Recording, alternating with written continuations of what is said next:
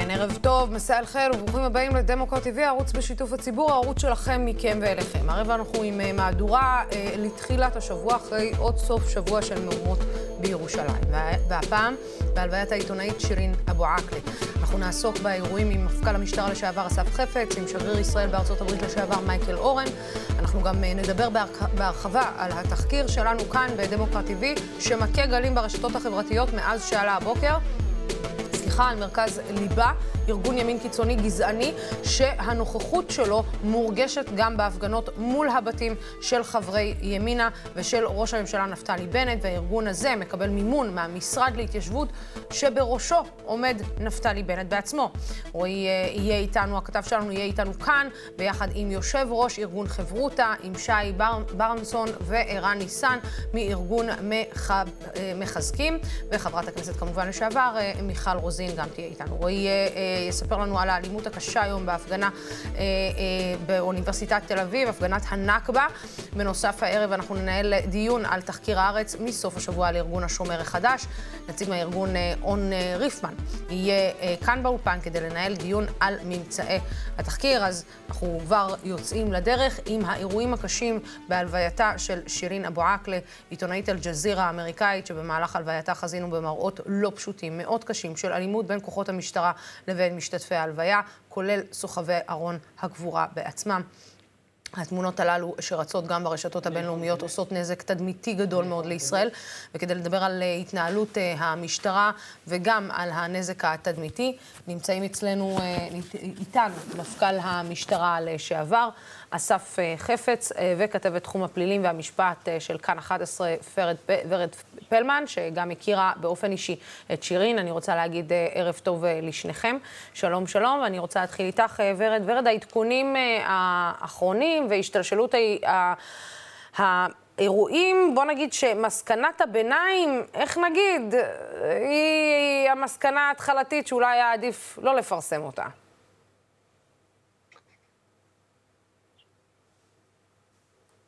ורד, אנחנו צריכים גם כן. אה, להסביר לציבור איזה אירוע אנחנו מדברים. אנחנו לא מדברים על מסע הלוויה המרכזי של, כן. של העיתונאית שירין אבו עקלה, אלא אנחנו מדברים על האירוע שהיה בבית החולים הצרפתי סן ג'וזף בשייח' ג'ראח שבמזרח ירושלים, אז בעצם רצו להוציא את ארונה של אבו עקלה מבית החולים, שם, שם היא נשמרה, בעצם הארון נשמר מיום חמישי מאז שהוא הגיע מרמאללה, ואז בעצם מגיעים לשם המונים, מניפים דגלי פלסטין, קוראים קריאות uh, כגון uh, ברוח ובדם נפדה אותך uh, שירים וקריאות דומות, המשטרה מחליטה לכרוז להם, לאותם המונים שנמצאים שם, אה, גם היא הוציאה תיעוד של כך, ולאחר מכן בעצם נכנסת פנימה. כאשר מכאן מתחילים אותם אירועים ואותם תיעודים שאנחנו רואים אותם גם על המסך, תיעודים קשים שבעצם מופצים מהר מאוד בכל רחבי העולם, המשטרה מוציאה הודעה מאוד מהר לאחר האירוע הזה, ואומרת שבשל אותן קריאות לאומניות היא נכנסה פנימה ונתקלה גם ביידויי האבנים וזריקות חפצים. המשטרה לאחר מכן, שעות, כמה שעות לאחר מכן, מוציאה גם תיעודים של זריקות החפצים והאבנים לעבר השוטרים. גם אתמול הוציאה תיעודים אה, נוספים, אבל התמונות, התמונות הן קשות, שאנחנו גם רואים את אותו תיעוד של, הנה בדיוק מה שאנחנו רואים כרגע על המסך, אה, של אותם מלווים של הארון בעצם מוכים באלות על ידי אה, כמה מהשוטרים שם, וזה התמונות, אלו התמונות שנצרבות ברחבי העולם בתודעה של הציבור של מה שהיה בהלווייתה של העיתונאית שירין, שירין אבו עקלה, ואתמול בצהריים הודיע השר, אה, השר עומר בר-לב, יחד בתיאום עם המפכ"ל, למרות שהם חלוקים בעניין, בסופו של יום מודיעים על הקמת ועדת בדיקה בראשות אה, תת ניצב שהיא בעצם ראש מחלקת, אה, ראש חטיבת שיטור וקהילה, אנה בן מרדכי במשטרה, והיא אמורה בעצם להציג את המסקנות שלה למפכ"ל ואחר כך הם יוצגו לשר.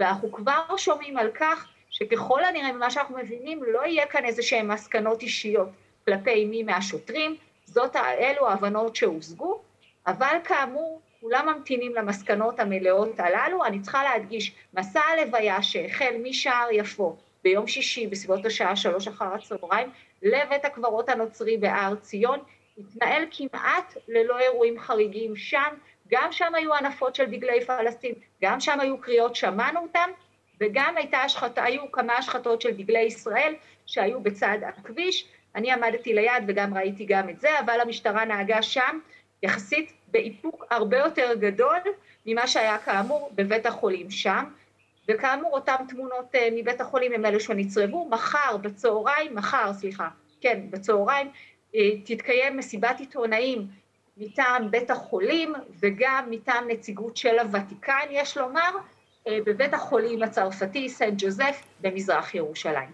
אה, אסף, אתה שומע את הדברים האלה, אתה גם בטח אה, ראית את התמונות האלה. אני, אני מנסה להבין אה, מי לא מעביר מסר נכון במשטרת מחוז ירושלים על כך שאירוע בסדר גודל כזה צריך להיות מוכל עוד יותר מכל אירוע אחר, במיוחד לאור הרגישות. איך זה יכול להיות שאנחנו מידרדרים לתמונות כאלה, שבסופו של דבר הופכות להיות לתמונות שפותחים איתם בוושינגטון פוסט, בניו יורק טיימס, וכמובן בכלל מסירות כל אולי סיכוי של לנסות לספר את הסיפור הישראלי בתוך הדבר הזה. תראי, ההלוויה הזאת הייתה מאוד אה, מסובכת ומורכבת. התוצאות הן אה, חמורות. אם לפני, ברעיון קודם איתך, שיבחתי את אה, משטרת ירושלים, פה אני חושב שצריך לעשות בדיקה. זה שעושים בדיקה זה לא אומר שלא נותנים אמון במשטרה או אה, מסירים את האמון מהם, אבל ללא ספק כל אירוע המשטרה צריכה לבדוק אותו ובטח את האירוע הזה. האם לא היה אפשר לנהוג אחרת?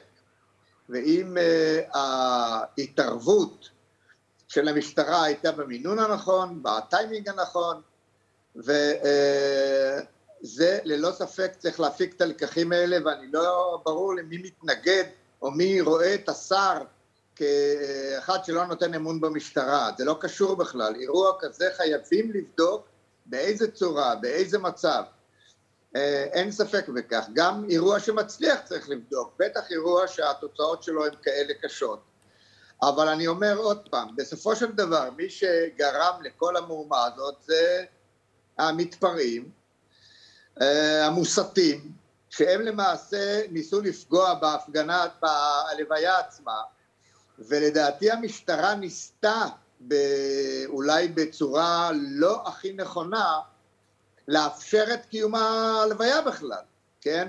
היה איום בכלל על קיום ההלוויה עצמה. ההתערבות של הבריונים האלה ושל המסיתים ושל המתפרעים הייתה כזאת שאיימה לשבש את ה... את, ה, את ההלוויה. ההתערבות של המשטרה גם כן שיבשה, אבל אה, אין ספק שזה אירוע מורכב שהיוזמים שלו הם המתפרעים ולא המשטרה עצמה. אני עוד פעם חוזר, שאין ספק שצריך לבדוק, להפיק את הלקחים ולראות איך אפשר לעשות, איך אפשר לעשות אחרת, או במינון אחר של, אה, של שימוש בכוח, בעיתוי אחר. אבל ללא ספק צריך לבדוק את זה. משטרת ירושלים עובדת מול, אה, או פועלת מול אה, אירועים מאוד קשים ומורכבים, וכל טעות קטנה במינון מובילה לתוצאות קשות. אה, זה לא אומר שצריך להסיר את האמון מהמשטרה, צריך רק לבדוק את זה ולהפיק את הלקחים. אמ, ורד, אה, את יודעת, אמ, הרבה היה דיון אה, בשבוע, בסוף השבוע האחרון לפחות, על עמדתה ועמדותיה של אה, שירין אבו עקלה. את הכרת את שירין ורד. בעיניי זה פשוט לא שייך לדיון תקשורתי כזה או אחר. בסוף נהרגה כאן עיתונאית בעת מילוי תפקידה, לא חמושה, כשהיא בעצם עובדת לגוף תקשורת שמקבל אישור לשדר כאן מהארץ. את יודעת, אני, אני מנסה להבין אמ, איך בכלל... אה, תנסי רגע לתת לנו שנייה מהדמות אה, שאנחנו אולי לא מכירים, שהצופים לא מכירים, שהם רק שומעים מפה ומשם. זהו, צריך להבין, שירין הייתה בעצם בכל מקום. בכל מקום כמעט היית רואה אותה, היית מגיעה לשער שכם, היית רואה אותה, היית מגיעה לשייח' ג'ראח, היית רואה אותה, בסילואן היית רואה אותה, זה תמיד, זה היה באמת, שירין אבו עקלה הייתה אה, כתבת שטח שיותר מ-25 שנה פשוט עשתה את עבודתה בצורה הזאת, שאולי היום זה נדיר אולי לראות כתב או כתבת כזאת, שבאמת נמצאים בלב ליבם של האירועים כל הזמן, וזה מה שהיא עשתה, פשוט בכל מקום שהיו עימותים, היא הייתה מגיעה אליהם, ואני פשוט, הגזרה שלי, גזרת הסיפור שלי, ירושלים, אז הייתי פוגשת אותה בכל הצמתים האלו של אותם מתיחויות, אותם עימותים שהיו, אם זה באזור הר הבית, שער שכם ושכונות נוספות בירושלים, פשוט מגיעה לשם ומדווחת מהשטח. היו כמובן, ויש גם חילוקי דעות בציבור, באשר למה שבדיוק נאמר שם וכולי, ואל-ג'זירה, ובציבור הישראלי יש הרבה מאוד אה, ביקורת, אבל אה, מדובר בעיתונאית שעשתה את עבודתה בצורה, הייתי אומרת, באמת, שכמו שמלמדים בעיתונות הקלאסית של עיתונאי שטח, ועשתה את זה במשך שנים בלי מורא, אה, וזה אני חושבת שהיה גם הייחודיות שלה, ובגלל זה גם היא נהפכה לסמל מאוד גדול, אנשים לא מבינים את זה אולי בציבור הישראלי, אבל שירין אבו עקלה היא סמל, היא סמל פלסטיני, עכשיו עוד יותר אחרי הנסיבות שבהם היא, היא נהרגה, והנרטיב כמובן הפלסטיני לעניין המוות שלה, שהוא שונה כמובן מהנרטיב הישראלי, אבל עוד לפני כן היא הייתה דמות מאוד מאוד מוכרת, והשיח הציבורי, גם בקרב הפלסטינים, אבל לא רק, גם בעולם הערבי כולו, ואנחנו רואים את זה גם ברשתות התקשורת הבינלאומיות, הוא שיח מאוד רב עליה גם בגלל כמובן הנסיבות שבה היא נהרגה בעת, אה, בעת מילוי תפקידה כעיתונאית, ואף אחד לא צריך למות בעת מילוי אה, תפקידו כעיתונאי, אה, וזה כאמור לא צריך לקרות בכלל, ולכן הסיפור הזה מקבל גם ממדים יותר ויותר גדולים. התחקיר שהצבא עשה ביום שישי בבוקר לא הוביל לממצאים חד משמעיים. שוב פעם, אולי תהיה כאן איזושהי חקירה בינלאומית, אנחנו עוד לא יודעים מה יקרה, אבל כאמור, שירין אבו עקלה סמל שיש שאומרים שחיזק מאוד גם את אבו מאזן ואת הרשות הפלסטינית, ועל זה ישראל לא יכולה להתווכח, ואולי יש גם גורמים, גם שמעתי מכתבים מדיניים, דרך אגב, שיש גורמים בישראל שדווקא רואים את זה לחיוב, שהאירוע הזה, מהבחינה הזאת, רק מהזווית הזאת, שבו בעצם אה, אבו מאזן כאן קיבל את החיזוק שלו, זה טוב גם לישראל, כך אומרים אה, גם אה, כתבים מדיניים שאני שמעתי בימים האחרונים. זה מדהים, אה, גם אלו שרואים טוב גם באירועים כאלה. אסף, אתה יודע, השאלה היא, שמענו את ורד אומרת, היו בעצם כמה ממצאים. האמירה הראשונה בעצם, ישראל אומרת, זה לא אנחנו, זה הם, תראו את הוידאו שיצא מאצלהם כשהם יורים. אחר כך יצא וידאו של שוברים שתיקה, שבעצם אומרים, סליחה, של בצלם, שבעצם בא ואומר, חברים, זה בכלל לא היה באותו אה, כיוון, זה היה בכיוון אחר. אה, אחר כך מסקנות של ביניים, של רגע, רגע, יכול להיות שזה אנחנו, יכול להיות שזה הם. אין פרוטוקול שבעצם בא ונותן לאנשים רגע, ש... כאילו, למנגנוני הביטחון, איך, מה לפעול ומה להגיד באירועים בסדר גודל כזה גדול? אני חושב שהנושא שלו טופל לדעתי כמו שצריך, ראינו את הרמטכ"ל אה, עולה לשידור ואומר שאנחנו חוקרים את העניין הזה, אני חושב שזה מה שצריך לעשות. אה, ברגע שאין שיתוף פעולה עם הרשות הפלסטינאית ואי אפשר לבדוק מאיפה יצא הכדור ואין בעיה ברגע שאתה מקבל את הכדור והוא משאיר סימנים אפשר להשוות אותו לקנים שהיו, ב... שירו בשטח ולהגיד, שמע, זה מאצלנו או לא מאצלנו. ברגע, ברגע שאין שיתוף פעולה כזה, קשה מאוד לקבוע חד משמעית אה, מאיפה בא הירי ומי גרם למותה. אה, אני חושב שבסופו של דבר, גם הצבא וגם אה, מערכת התקשורת התנהלו במידה שאני לא רואה בהם סטייה מאיזה שהם עקרונות כאלו או אחרים. בכל מקרה, הרשות הפלסטינאית אה, מנצלים את, ה, את המקרה להדרת אה, או להשמצה של מדינת ישראל ושיפעלו בכיוון שלהם. אני חושב שישראל פעלה נכון שהיא ביקשה ואמרה אנחנו מוכנים לעשות ועדה משותפת רק תסכימו, הרשות לא מסכימה ולכן התיק לצה"ל לדעתי הוא כרגע בצד שלה. נכון שהתדמית של מדינת ישראל נפגעת אבל זה לא אומר שלא צריך להמשיך ולנסות ליצור את אותו תהליך שבעצם אפשר יהיה לקבוע חד משמעית מאיפה בא הירד. כן, אה, ורד, אה, אנחנו, לאן פנינו מועדות אה, בעניין הזה? מחכים למסקנות הבדיקה המשטרתית.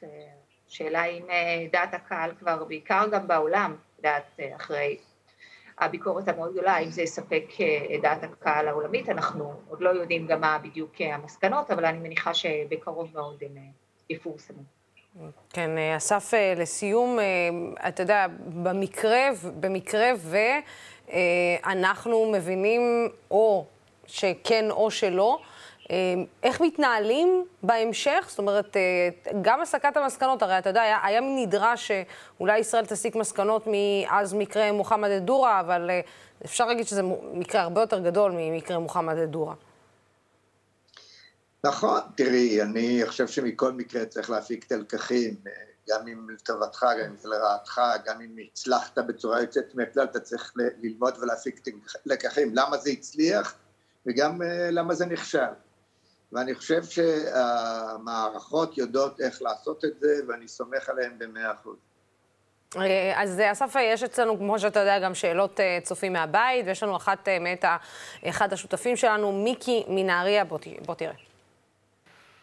שלום, שמי מיקי, ואני רוצה לשאול את הפאנל את השאלה הבאה. אין חולק על כך שתמונות מן הלוויה של שירין מכבידות על יחסי ישראל עם האומות. השאלה היא כזאת, למה משטרת ישראל צריכה להיות נוכחת באירוע שכזה? על מי בדיוק היא מגינה? האם המעורבות שלה תורמת או מזיקה לביטחון המדינה בכלל ותושבי ירושלים בפרט? ומדוע צריך למנוע הנפת דגלי אש"ף באירוע כזה? איזו מטרה זה משרת? אסף. כן, אני די מסכים עם הדברים שלך, זה, זה בדיוק מה, ש, מה, ש, מה שיצטרכו לבדוק, הוועדה, מחוז ירושלים, המשטרה, צריכים לבדוק האם הייתה סיבה מספיק טובה לכניסת הכוחות והתעמתות. ברור שדגלי אש"ף פה, אני כבר אומר שזאת תהיה המסקנה, הם לא מחייבים התערבות, אבל יכול להיות שיהיו דברים הרבה יותר חמורים מזה. כמו זריקת אבנים, הפרעה לקיום ההלוויה. המשטרה למעשה צריכה לאפשר את קיום ההלוויה מול גורמים שירצו להזיק לה או לפגוע בה. וזה לדעתי הייתה המשימה העיקרית שלהם, ולכן הם היו צריכים להיות שם, כי אם הם לא היו שם, יכול להיות שמתפרעים היו עושים כזה בלאגן שהיו לא, לא מאפשרים לקיים את ההלוויה. אז נכון שיכול להיות שלא היה מקרים כמו התערבות של שוטרים והכאה וההתנדנדות של, של ארון הקבורה. אבל המשטרה לדעתי בעיקרון נערכה על מנת לאפשר את, ה, את ההלוויה ולא בשום סיבה אחרת. האם היו צריכים להתערב במקרה כזה או אחר, באיזה מינון, זה לדעתי צריך לבדוק, אני לא יכול לשפוט את זה מפה. ורד, דעתך בעניין?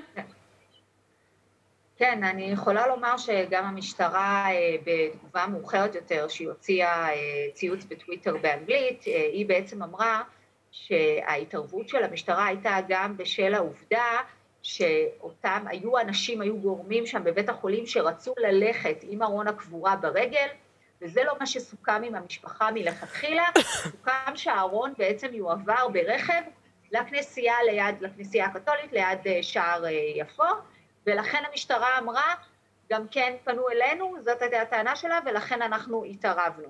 שאלה טובה, המשטרה בעצם לפני הלוויה קראה לאחיה של שירין אבו עקלה לשם תיאום ואולי גם איזושהי אזהרה מפני אירועים כאלו ואחרים או, או קריאות הסתה, והיה איזה שהוא בסך הכל, כך אומרים במשטרה, גם היה איזה שהם תיאום ציפיות מבחינת מה הולך לקרות בלוויה. המשטרה הקצתה מאות שוטרים לצורך הבטחת האירוע הזה. שאלה הגדולה, בדיוק כמו שאומר אסף חפץ, מתי המשטרה הייתה צריכה להתערב ומתי לא, האם זה עניין של המשפחה עצמה, בעיקר כשאנחנו מדברים שהדבר הזה קורה בתוך מתחם בית החולים הצרפתי, ובאמת שאלה בדיוק מה היה שם. כרגע לפי התיעודים, התיעודים שהעבירו לנו המשטרה, אנחנו ראינו איזשהו שיח לגבי העניין הזה של היציאה של הארון, על פי תיעוד של מפקד המשטרה במקום מדבר עם איזשהו גורם שלא בדיוק אני יודעת מי הוא, mm-hmm.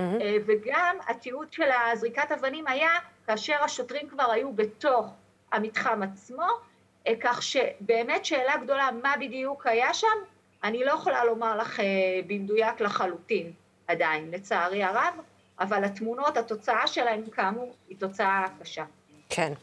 אה, קודם כל, אה, אה, תודה רבה לשניכם, אסף חפץ וורד פלמן, על הדברים האלה. שנייה לפני שאנחנו נמשיך לדבר על הנזק התדמיתי והטיפול בו, אני רק רוצה להגיד, אני רואה אתכם פה, צופים יקרים שלנו, מגיבים. לראיונות האלה, וגם יש לנו כאן מישהו שקצת השתלט אחד המגיבים פה, מדזיק, אה, מדזיק אה, כהן, כן, אתה קורא לנו שמאלנים ארורים, אתה אומר שאני מעודדת רצח של חיילים. אתה תמשיך ככה, אנחנו נגיע אליך ואנחנו גם נדאג לתבוע את מי שעומד מאחורי הפרופיל הזה. אז כן, אתה נחסם, כי אין מקום לדברים כאלה אצלנו. אתה תמשיך לקלל אנשים שמאלנים ותמשיך לקלל אנשים על פי דעותיהם, זה לא יהיה המקום שלך, ואנחנו נחסום אותך בכל פעם שאתה תעלה. ואם אתה חושב שזה סתימת פיות, כן, אנחנו סותמים את הפה לאנשים כמוך. אה, מכאן אנחנו עוברים כדי להמשיך אה, ולדבר על הנזק התדמיתי והטיפול של ישראל באירועים. אני רוצה להגיד ערב טוב לשגריר ישראל בארצות הברית לשעבר, חבר הכנסת לשעבר מייקל אורן. שלום רב, לוסי. אז מייקל, אתה יודע, במידה רבה אפשר להגיד שדעת הקהל הבינלאומית כבר התקבעה. אם היא לא התקבעה, לצורך העניין, אחרי ההרג של העיתונאית, אחרי התמונות שראינו של ההלוויה, זה כבר ברור שבעצם כבר יודעים מי טוב מה? ומי רע בסיפור הזה.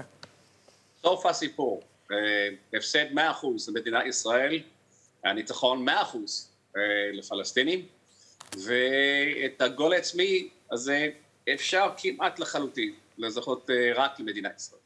איך, איך אנחנו בעצם מגיעים למצב כזה? אתה יודע, אתה היית בפוליטיקה, אתה היית ב, ב, אה, גם ב, במקום הדיפלומטי, אתה היית גם במקום הפוליטי.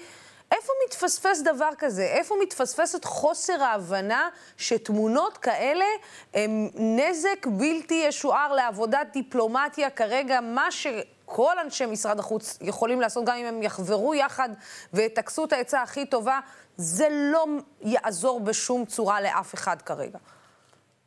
להוסיף לזה גם אה, איזה 30 שנה פלוס בשירות אה, צבאי וגם מילואים. בדיוק.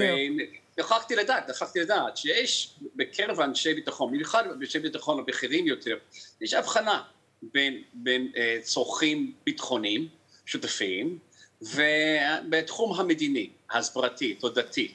וההבחנה היא, היא מלאכותית לחלוטין והיא גם מסוכנת, משום שגם התלמיד שלנו בעולם משפיע רבות על, על ביטחוננו.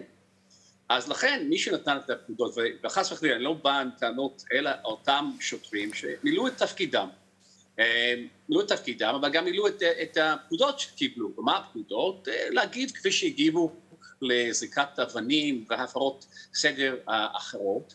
אה, במקום לקבל פקודה ש, שגורסת ככה, קובעת ככה, כל העיניים של כל העולם מופנות אלינו באותו רגע. אסור לנו אה, ליפול, להיגרר באיזושהי פרובוקציה, לשמור כמה שיותר על איפוק אה, ולא להגיב באלימות. אה, וזה בדיוק ההפך ממה שעשו. ואז נגרם נזק תדמיתי, והייתי אומר, נזק גם ביטחוני למדינת ישראל, ולשם מה. אתה יודע, מייקל, אני מנסה, הרי האוטומט שלנו זה לחפש מי אשם. אבל השאלה שלי, אני לא יודעת אם מישהו היה יכול בכלל לתת הוראה כזאת של אם דווקא באחד האירועים שהכי צריך להביא נחלה והכי צריך להכיל אותו בגלל שכל עיני העולם נשואות אליו, אני, קשה לי להאמין שמישהו נתן הוראה ל... איך, איך אומרים? כנסו בהם. אבל אולי, אולי זה גם משהו שבסוף, אתה יודע, שוטרים וחיילים הם בסוף בני אדם.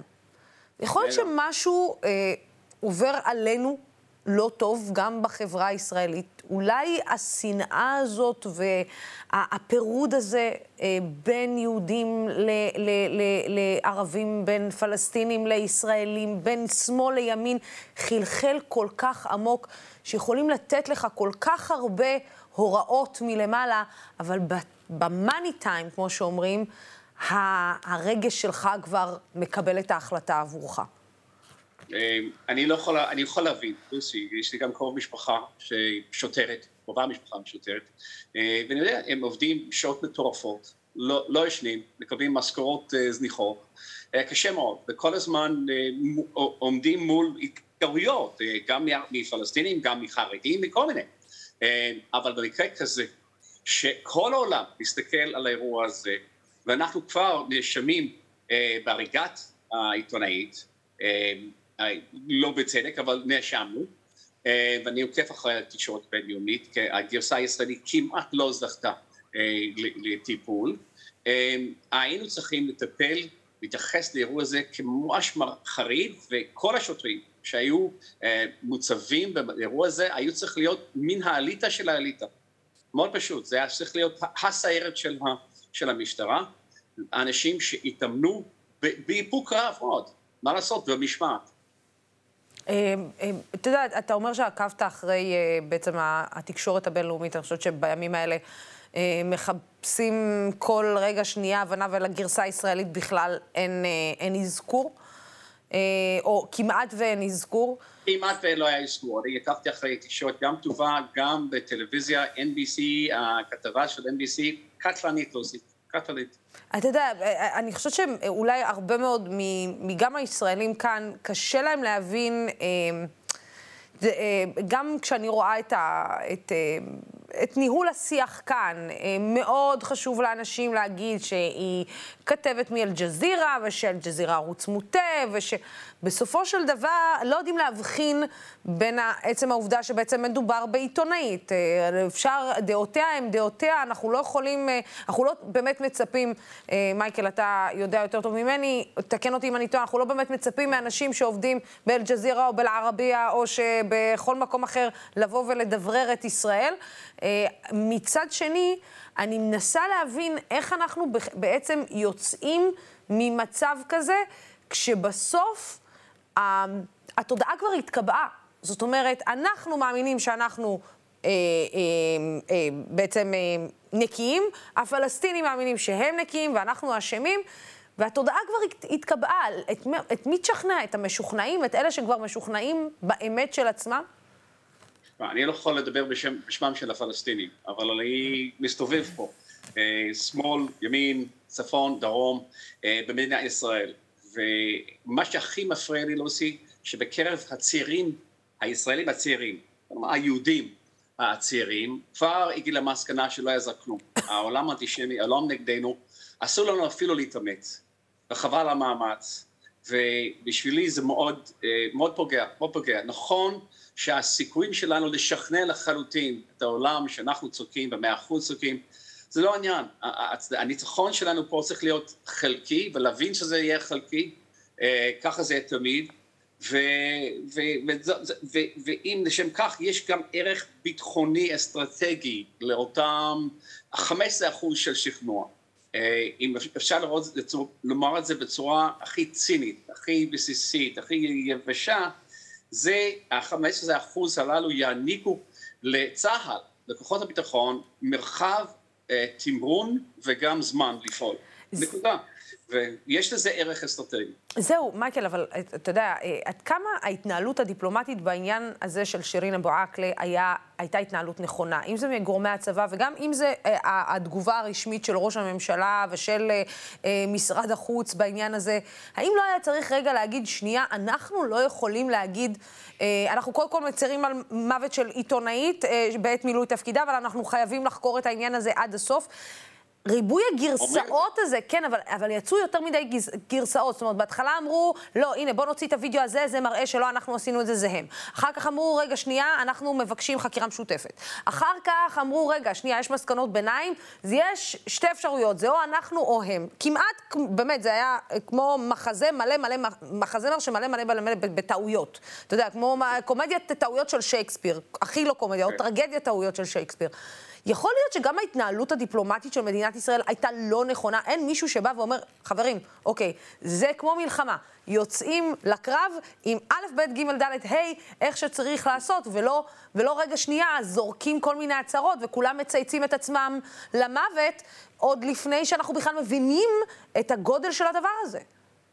הייתי מצפה 20 שנה פלוס, אחרי פרשת אה, מוחמד מוחמד א-דורה, נכון. כן, כן, כן, היינו, יש לנו כבר פרוטוקול בעניין הזה, נכון? נכון. תוכנית מגירה מה קורה אם חס וחלילה עיתון, עיתונאי, עיתונאית הרג בשדה הקרב. היינו צריכים להגיב על פי א', ב', ג', כמו שאנחנו יודעים לעשות במבצעים צבאיים. יש פרוטוקולים. ולא פעלנו לגמרי לפי הפרוטוקול. נכון שלמדנו לא להתנצל מיד, זה מה שעשינו במוחמד עבדולה, ועשינו את זה עוד כמה מקרים, זה למדנו.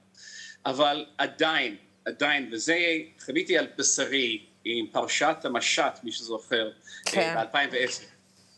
עם המשט הטורקי ושייטת וכל הסיפור הזה, צה"ל ישב על מידע חיוני להגנת מדינת ישראל במשך שבוע ימים, כשאנחנו בזירה המדינית חטפנו בכל עבר, צה"ל לא פרסם תמונות של אותם אנשי שלום טורקים מתנפלים על, על השייטים שלנו והכו להם ודקרו אותם וירו בהם והכל, אותם אנשי, צה"ל ישב על אינפורמציה, משהו שלצה"ל לא היה נוח לפרסם תמונות של שייטים חוטפים, אוקיי? Mm-hmm. Okay? ויש, מה המסקנה פה? יש, יש לצה"ל אינטרס להגן על צה"ל, בראש no. ראשונה. נכון, והראשונה, לפחות במישור התדמיתי, המדיני. אה, ויש אינטרס לשמור על היחידות בתוך צה"ל, ולכן אני חוזר למה שאמרתי קודם, על ההבחנה בין אה, צרכים ביטחוניים והצרכים המדיניים של תדמיתה של מדינת ישראל, וכמה שההבחנה הזאת מלאכותית. אה, ואולי במקרה הזה אנחנו צריכים להפנים, אנחנו בתוך הקהילה הביטחונית של מדינת ישראל להפנים, שבעולם המודרני אין לך שלושה שבועות להגיב. נכון. כל הכבוד לחקירה, אין לך. יש לך שניות, יש לך דקות, לכל הרבה, שניות. ו, אה, ו, וזה לא היה כלום. הרושם הראשון זה הרושם הקריטי. אה, ולכן, ברגע ש... נראה שאמרנו שאנחנו נחכה עם התשובה שלנו עד, ש... עד תום החקירה, למעשה הפסדנו את הקרב. אני, אה, רק אה, לסיום, אה, מייקל, בעצם תן לי שני, את שני הסצנריואים. במקרה ואנחנו בעצם יוצאים אשמים בהרג העיתונאית. איך ישראל בעצם מתחילה לתקן את, כולל התמונות, איך ישראל בכלל מתחילה לתקן את הנזק הזה? לא, אי אפשר, ולמעשה כבר נאשמנו. ואנחנו נידונו לאיזה מאסר אה, במישור הבינלאומי. אה, אני ישבתי באותו ערב של הריגת עיתונאית, אה, ישבתי עם כתבת ישראלית, ואמרתי לה, תראי, מחר הרשות הפלסטינית תסרב לשתף פעולה איתנו, ותכריז שיש להם את את הכדור, את קליעה, שהוא 5.56, שזה הכדור בשימוש של צה"ל, לא כל אנשי ביטחון הפלסטינים משתמשים ברובה אמריקאי, חלקם משתמשים ברובים רוסים, שזה 7.62, ומה לעשות, אני אינני נביא, אבל צדקתי, כל עוד שאין לנו גישה לאותו קליעה, לגופה, כלום, אי אפשר להוכיח את חפותנו, אי אפשר.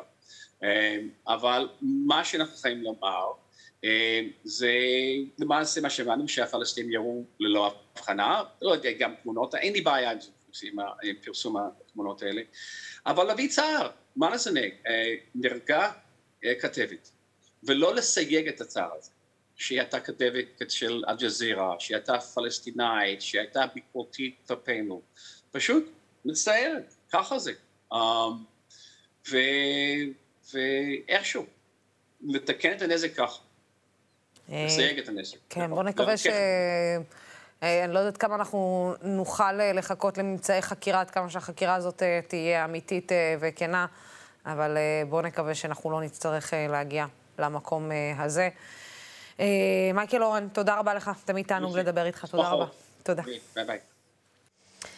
כן, עכשיו אה, מצטרפים אלינו לאולפן אה, דמוקרט TV, כתבנו לענייני כלכלה וסביבה, רועי מעוז, שלום שלום לך, וגם ערן אה, ניסה מארגון מחזקים, שלום. אבל לפני שנדבר, אני רוצה שנצפה בכתבה, בכתבת התחקיר שלך, רועי, על מרכז ליבה, ארגון ימין קיצוני, אפשר להגיד גם גזעני, ואפשר להגיד גם הומופובי, שהנוכחות שלו מורגשת גם בהפגנות מול הבתים של חברי ימינה ושל ראש הממשלה נפתלי בנט, שהוא בעצמו דרך אגב, גם בימיו כשר חינוך, יש להגיד, אה, אה, נתן מימון ועמד אה, מאחורי הפעילות של הארגון הזה. הארגון מקבל מימון מהמשרד להתיישבות, שבראשו עומד נפתלי בנט בעצמו. בואו נראה. מאחוריי נמצא מעל המחאה מול הבית של ניר אורבך, מרכז העצבים של המחאות נגד הממשלה. מחאות, הפגנות, התנגדות לשלטון, כולם היבטים שכמובן נרצה לראות בדמוקרטיה מתפקדת. מצד שני, מה אם אני אגיד לכם שלכאורה אתם מימנתם את ההפגנות האלה? אבל לא רק להפגנות מגיע הכסף הציבורי של כולנו. תשמעו את הציטוטים האלה, שקשה להאמין שנכתבו ב-2022. גברים הומוסקסואלים צורכים סטוצים ומתקשים להגיע לקשר. אצל הומוסקסואלים יחסי מין וסמים כרוכים יחד. מסיבות גייז מובילות לאורגיות המוניות. הומוסקסואליות מלווה בשורה של סימפטומים קשים, בדידות, חרדה, דיכאון ואובדנות. כל הציטוטים האלה מופיעים בחוברת שפרסם הארגון מרכז ליבה. למניפסט ההומופובי הזה הם קוראים הומוסקסואליות, סקירת מידע. אז, כדי להבין מה קורה פה, נשאיר לרגע את החוברת הזאת בצד, ובואו נדבר על ההפגנות של החודשים האחרונים. שם הארגון שמופיע בכל מקום הוא פתאום קם העם. אם אתם לא שמעתם עליו מעולם זה בסדר, כי הוא לא היה קיים עד לפני כמה חודשים. ובואו נראה מה הם מספרים על עצמם. שהם תנועה שמאחדת תחתיה את כל מי שרוצה ופועל להפיל את הממשלה, והם מחוץ של כמה ארגונים. אוקיי, לגיטימי עד עכשיו. אולי כדי להבין ממה נובעת ההתנגדות של מרכז ליבה לממשלה, נראה באילו עוד נושאים אחרים הארגון עוסק. תמצאו שם בין היתר התנגדות לציבור הרפורמי, או כל התארגנות שהיא לא יהדות אורתודוקסית תחת הרבנות הראשית. נגיד רבני צוהר או נשות הכותל שמותקפות באלימות באופן תדיר. וגם להט"בים. נושא שהארגון עוסק בו באובססיביות, וגולת הכותרת חוברת המידע. 88 עמודים מעוצבים של הומופוביה משובחת, שמתחילה בתמונה של מה שכנראה מבחינתם נראה כמו הום עצוב, ומסתכמות בתמונה של פעיל להט"בי כועס, ותיעוד של הרגע הנורא מבחינתם, בו הומוסקסואלית יוצאת אל מחוץ לספר המחלות ה-DSM. אז איך ממומן ארגון כזה? תרומות.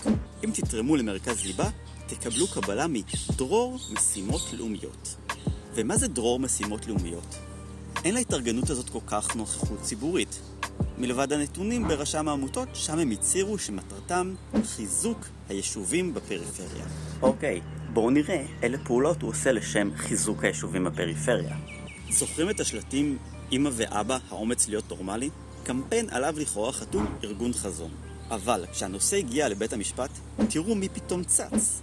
הקשר בין דרור משימות לאומיות למרכז ליבה הוא לא רק עקיף. אנשי מרכז ליבה כמו אראל פופוביץ', אראל גרינבאום ואורן הניג, שהוא מנכ"ל מרכז ליבה, היו בעלי שכר של דרור משימות לאומיות בסכומים מצטברים של מאות אלפי שקלים. וכאמור, עמותת דרור משימות לאומיות קיבלה לאורך השנים מאות אלפי שקלים מהמדינה. שימו לב לנתון הבא סך התמיכות להן זכה הארגון מהמדינה בשלוש השנים האחרונות הוא יותר מחצי מיליון שקלים. כן, חצי מיליון שקלים בשלוש השנים האחרונות שיכולים לשמש לשלטי חוצות ומחקרים נגד הקהילה הגאה. טוב, כל זה היה בימי נתניהו. בטח שכיום עם ממשלת השינוי של בנט ולפיד ומיכאלי והורוביץ זה לא ממשיך. או ש... ב-2022 ממשלת ישראל העבירה כ-65 אלף שקל לארגון דרך משרד ההתיישבות. משרד ההתיישבות, זוכרים? זה המשרד הפיקטיבי הזה שנתניהו הציג כדי שלכולם יהיו ג'ובים? בהתחלה זאת ציפי חוטובלי, ואחר כך שהיא הפכה לשגרירת צחי הנגבי קיבל את הג'וב. מעניין. באמת מזמן לא שמעתי על הארגון הזה, בואו בוא נבדוק מי עומד בראשו. נפתלי בנט? ראש הממשלה, נפתלי בנט? הוא זה שמעביר להם את הכסף כיום? אז מה יש לנו פה? במשך שנים הארגון הזה מקבל מענקים מהממשלה, וגם ב-2022 הוא ממשיך לקבל כסף מממשלת בנט, ומשר התיישבות, בנט, ואז מפגין נגד בנט עצמו.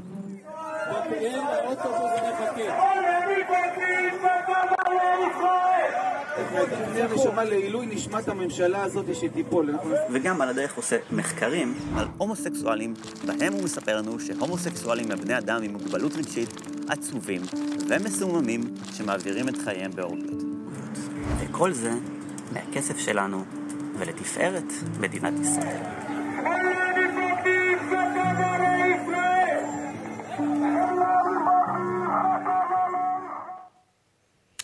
כן, לתפארת אה, מדינת ישראל לתפארת ממשלת השינוי, יש להגיד. ערב טוב אה, לרועי מעוז, ערן ניסן, ובזום מצטרף אלינו יושב ראש ארגון חברותא, הומואים דתיים, אה, שי בר, ברמסון. תודה רבה שאתה מצטרף אלינו. אני אתחיל איתך, רועי. קודם כל, שאפו ענק על התחקיר הזה. לא צריך, כאילו, הלסת נופלת, אבל לא הבנתי, אני פשוט מנסה להבין. אה, במשרד ראש הממשלה, נפתלי בנט, לא שם לב שמה שהוא עושה די מתהפך עליו איכשהו? יכול להיות שנכון... או שהוא שכח מזה בכלל. יכול להיות שהוא באמת שכח, כי אנחנו גם רואים שב-2022 עוד לא עברו כל המאות אלפי שקלים, וגם אין את הדוחות של 2022. אבל מה שמעניין זה שבנט, על כל האבולוציות הפוליטיות שלו, תמיד דאג שהחטיבה להתיישבות תהיה תחתיו, זאת אומרת, אה, משרד החקלאות אה, שהיה שייך למפלגות שלו, הם תמיד אה, דאגו לשמור את החטיבה להתיישבות קרוב לעצמם, עם כל הכספים שעוברים שם. אפשר להגיד שעכשיו זה התהפך עליו עם ההפגנות, אבל זה באמת קצה הקרחון, זאת אומרת, הפגנות זה דבר לגיטימי, הוצאת דיבה ודיבתם של קהילה שלמה, עם כל מה שציטוטים שראינו, זה כבר דבר הרבה יותר הופך את הבטן בעיניי. איך ניסית לקבל תגובות? זאת אומרת, אה, מאנשי ה... מאנשים, כן. אנשי העמותה האלה, אם אפשר לקרוא להם אנשי העמותה הנכבדים? פניתי כמובן למרכז ליבה, לאורן הניג, בחר שלא להגיב. פניתי לדרום משימות לאומיות, כי באמת, דרום משימות לאומיות זה מין ארגון אה, על שכזה, שעוש, פרו, שמייצר כל מיני פרויקטים, לכאורה פרויקטים שבעיקר אמורים להתעסק בפריפריה, מה שאנחנו רואים כרגע לא כל כך קשור, יכול להיות שיש להם עוד פרויקטים, אז רציתי לברר כמה כסף עובר מהם למרכז ליבה, אמ, ואם בעצם יש מצב שכספי הציבור שהם מקבלים, הם אחר כך מגלגלים את זה למרכז ליבה, לכאורה נראה שכן, גם הם בחרו שלא להגיב, אה, וגם הלשכה של בנט עד כה לא הגיב על הדברים האלה. ערן, אה, זה... העניין של ליבה נשמע כבר שנים, אה, כבר אני, אני לפחות זוכרת עוד מהימים של, אה, של, של בנט כשר חינוך. זאת אומרת, היה הרבה מאוד הפניית... רפי פרץ אה, כן, כן, רפי פרץ. אה, בימים של בנט כשר חינוך, גם הוא נשאל כמה פעמים על איך הוא מאפשר בעצם לליבה להיכנס לתוכניות הלימודים, להיכנס לבתי הספר, איך זה יכול להיות, ואף אחד גם לא ממש ידע מה זה ליבה בזמנו, אה, יש להגיד. אבל כמובן... כמו שזה מתאים לכל התופעות שמתחילות בשקט, בשקט, בשקט בשוליים, הן צוברות uh, לאט לאט נפח וכוח, ואחר כך מאוד קשה להפסיק את פעילותן. אני חושב שזה דרך קצת אולי תמימה להגיד שיש את התופעות האלה שהן איכשהו בצורה פסיבית זוכלות למיינסטרים. יש את האנשים שמרוויחים מזה, ויש את האנשים שמחבקים ומכשירים. ונראה לי שכל הטענות צריכות להיות בראש ובראשונה לליכוד. מפלגת הליכוד מתיימרת להיות מפלגה ליברלית, שמייצגת את המיינסטרים, שאמורה להנהיג את מדינת ישראל, אבל רואים איך פעם אחר פעם הם בוחרים להכשיר ולחבק ולשתף פעולה. יו"ר האופוזיציה בנימין נתניהו הלך להפגנה של פתאום כמה עם, לחבק, להכשיר, לתת לגיטימציה, לשתף פעולה עם האנשים שונאי להט"ב, שונאי נשים, שונאי מהגרים ומבקשי מקלט, שונאי ערבים, שונאי מיעוטים, שונאי שמאלנים, האנשים הכי מסוכנים ואלימים וקיצוניים, הם לא הלכנו לישון, קמנו והם במיינסטרים. וזה לא שהציבור בישראל הופך להיות ימני יותר, זה שהימין הקיצוני מצליח להתיישב במיינסטרים של הימין, בעזרת נתניהו והחברים שלו. ומי שצריך לשבת כאן זה אמיר אוחנה ויו"ר התא הגאה בליכוד, ולשאול אותם, איך, האם אתם בסדר עם זה שהמפלגה שלכם מובילה קמפיינים ומשתפת פעולה ומכשירה את האנשים שחושבים שאתם... כן, אמיר אוחנה יגיד לך, אני לא נציג ההומואים אה, בליכוד, אני גם לא נציג ההומואים בממשלה. אני לא מבקש שתייצג את ההומואים. לפחות אה, מה שהוא היה אה, אומר בזמנו כשהוא היה בממשלה ושר. אני רוצה לצרף לשיחה הזאת את שי. שי, שי ברמסון, אתה רואה את הדברים האלה, התחקיר הזה די מעורר הרבה מאוד תגובות במהלך היום הזה, מאז שהעלינו אותו לרשת. אתה יודע, אתה, גם הדברים שערן כאן אומר, שזה בעצם הכשרה אה, של פוליטיקאים, אה, לקחת אה, תופעות קיצוניות מהשוליים ולהפוך אותן ולתת להם להתיישב בלב המיינסטרים. הרי אנחנו יודעים שחייהם של אה, גברים להט"בים בתוך חברה שהיא דתית יותר, מסורתית יותר, הם מאוד יותר קשים. אז כשזה מגיע מתוך המקום הזה, אני מניחה שזה הופך את העבודה שלך לפחות לעבודה עוד יותר קשה.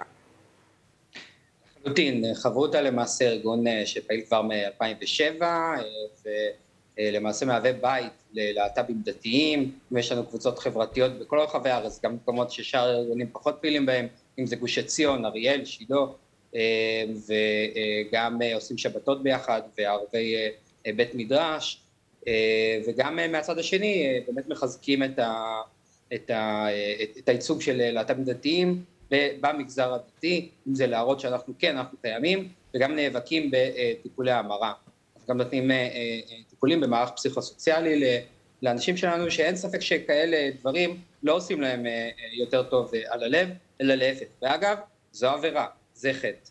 הארגון הזה, מרכז ליבה, כבר מוכר לנו לא מעט שנים, וחשוב לי לומר שהתחקיר שלכם הנהדר שרועי עשה, הוא למעשה חלק שחושף רק אה, ממש פיסה מאיזשהו מארק כזה של אה, קורי עכביש של המון המון ארגונים ומותגים שהרבה פעמים זה אותם אנשים באותם, אה, באותם עמותות שכל המטרה שלהם זה לקבל יותר ויותר כספים מתרומות ומהמדינה מכל מיני דרכים, צריך להבין שמדובר כאן באנשים שנטועים חזק מאוד במשרדי ממשלה, אם זה האגף לקידום אה, תודעה יהודית אה, במשרד החינוך, אה, למשל בוחרים במשפחה הוא למעשה רק קמפיין, זה עוד אגב ארגון של מה שאנחנו קוראים לו לובי השנאה, קמפיין של עמותת שיחת דקלים, שהיא בכלל עמותה של אחת, שמחזיקה את אחת הישיבות בארץ וגם היא מקבלת כמובן כספים מהמדינה וככה יש עוד המון המון מותגים והמון המון אנשים שבנוסף להיותם, ממש נוסף על תפקיד היותם אנשי ציבור ועובדים בכל מיני מקומות אה, של המדינה, גם עוסקים בלעשות אה, דה-לגיטימציה ודה-הומניזציה לך, לי, לעוד הרבה אנשים בחברה הישראלית באופן אנטי-יהודי, בצורה שהיא אה, פשוט מחקה נצרות פונדמנטליסטית אמריקאית ואין לה שום קשר ליהדות. כל העניין הזה של נורמלי, של טבעי, אין לזה מושג בהלכה, אנחנו לא פוגשים בזה. את הדיון ההלכתי עושים בבית מדרש עם רבנים שאנחנו מבצעים ועושים דיונים איתם, כמו הרב בן אילאו למשל. ש, אה, שיש לו גם מה להגיד אה, אה, בנושא שלנו. ובאמת, כל, ה, כל ה, הדבר הזה, אין לו שום קשר ליהדות. במקום לבוא ולחזק, תוך כדי ערכים יהודיים, את, ה, את הלכידות בעם, לבוא ולקבל, ואשכרה להרבות, להרבות תורה, כן, אנחנו כשאנחנו עושים ערבי לימוד תורה, אנחנו מגיעים לאנשים שלא היו לומדים תורה אחרת. אז גם בשביל המטרות שלהם כביכול, כנראה שהדרך שלנו היא יותר טובה ונכונה, ולא הדרך של לבוא ולהילחם במשפחות שכבר קיימות, לעשות סתם רע לאנשים, זה גם חטא אגב. אין שום דבר יהודי בזה, אין שום דבר תורני בזה, ואני ממש מקווה שהאנשים אה, אה, במפלגות ככה יעשו, שאגב הם אה, קשורים להמון המון מפלגות, גם לא רק מהצד הכל כך ימני של המפה, אני רוצה להפתיע אתכם. אני מאוד מקווה שיהיה איזושהי קואליציה של פוליטיקאים בנושא הזה, שיפסיקו את המימון השטותי והמיותר לכאלה ארגונים, שכל המטרה שלהם זה רק ללבות שנאה. למה זה טוב?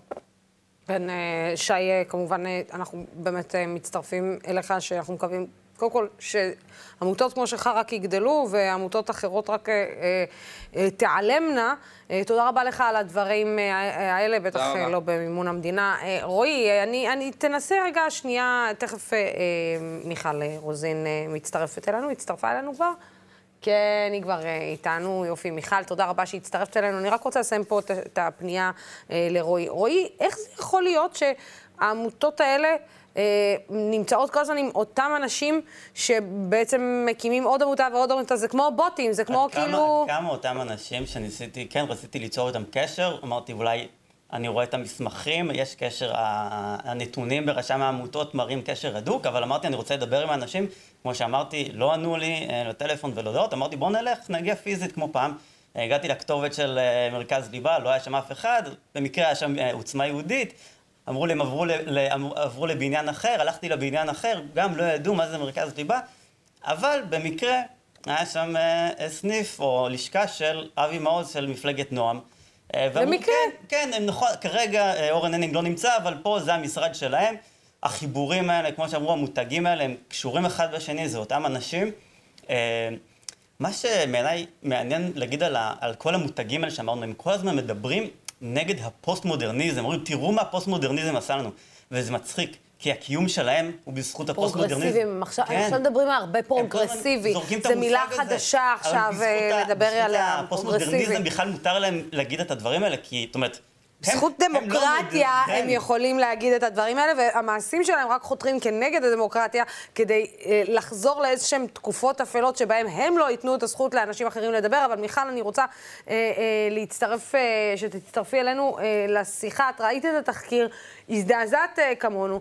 תסבירי לי, אה, מיכל, איך זה יכול להיות שאנחנו מוצאים את עצמנו בכל פעם מחדש בלופ כזה מול ארגונים שמתרבים כמו פטריות אחרי הגשם. זאת אומרת, זה אותו, יש, יש ראש. שאנחנו לא מגיעים אליו, ומלא מלא מלא מלא זרועות שלא מפסיקים לעשות את uh, כל מה שהם uh, uh, עושים, כל פעם באצטלה אחרת, כל פעם בשם אחר, כל פעם... אבל תכלס מי שעומד מעליהם uh, זה אחד, אני מניחה, או גורם אחד גדול שיש לו מטרה מסוימת. לוסי, אני מסכימה איתך, ואני מסכימה עם כל מה שנאמר עד עכשיו, עם הדברים אה, הנוכחים שנאמרו. אני חייבת אה, רגע לתת לך אולי איזה, מה שנקרא, אה, פרספקטיבה או פרופורציה, או איזה תמונה ככה יותר כוללת. אפילו טיפה אופטימית, אני אפתיע אותך. אני חושבת שזו תגובתיות, זה סוג של backlash, מה שאנחנו קוראים לו בלועזית, למה שקורה. כלומר, ככל שאנחנו יותר חברה מתקדמת, אה, ככל שנושא הלהט"ב הופך להיות חלק מהיום יום שלנו, משהו שבשגרה, משהו שבאמת גם אנחנו רואים בסקרים שנעשים, גם החברה הדתית בישראל, אני לא מדברת על החרדית, אבל החברה הדתית-לאומית במדינת ישראל, בדקו את זה לפי מצביעים, מצביעי ימינה, מצביעים אחרים, אפילו ציונות דתית, פתאום כל נושא הלהט"ב מקבל מקום של אה, נורמליות, אני כמובן מתנגדת לאמירה הזאת, אבל משהו שבשגרה, משהו שקיים, משהו שהוא חלק מהמציאות, מהחיים במדינת ישראל, בוודאי בחוקים, בוודאי אה, בשגרת החיים פה. אני חושבת שככל שיש התקדמות כזו, כך אנחנו נראה יותר ארגונים קיצוניים שמגיבים. אנחנו רואים את זה בפמיניזם, ככל שיש יותר שוויון לנשים, קופצים כל מיני קיצוניים שאומרים, רגע, רגע, רגע, אישה תחזרי למטבח ולבית ולמשפחה, אוי ואבוי, אנחנו מאבדים את ערכי המשפחה. ואותו דבר עם נושא הלהט"ב, אני חושבת שזה מעיד במידה רבה דווקא על ההצלחה שלנו, על, ה, על המקום הזה שהלהט"ב נכנסו בכל תחומי החיים ובצדק, להיות חלק טבעי, נורמלי, ביחד איתנו, רשויות היום שמקבלות תקציבים, באמת מקימות מחלקות לטפל בנושאים האלה ומקדמות את uh, סוגיית uh, שוויון הזכויות. אז אני אומרת בואו uh, מצד אחד טוב מאוד, מצוין שנעשה התחקיר הזה. אני אישית אפנה לראש הממשלה אה, בתפקידו כשר ההתיישבות, לבדוק בדיוק למה הכסף הזה מועבר למי שהוא מועבר. תשאלי אותו, מיכל, למה זה עוד עבר בימיו כ, כ, כשר החינוך. אה, הוא די עודד את כניסתם אה, של ליבה אל תוך אה, בתי ספר. ממה שאני ראיתי, אז הם לא הצהירו אה, בצורה אמיתית וכנה על אה, מטרותיהם ועל פעילותם, ולכן צריך לבדוק את זה. צריך בהחלט לבדוק מדוע. אני, דרך אגב, לא בעד רדיפת עמותות ולא רדיפת אה, אפילו לא תכנים שקשה לי איתם, אבל אני חושבת שבמידה והם כתבו אה, אה, מטרה שאינה תואמת את מה שהם פועלים, צריך לבדוק את העניין. בכל מקרה לא צריך לעודד את זה, לא צריך לממן את זה. אני כן חושבת שאנחנו מספיק חזקים, אנחנו מספיק דמוקרטיה חזקה לסבול, וזה לסבול. אני לא אומרת שזה קל. אני חייבת, אני חייבת, אני חייבת, אז אני חייבת... הם לא הסתה.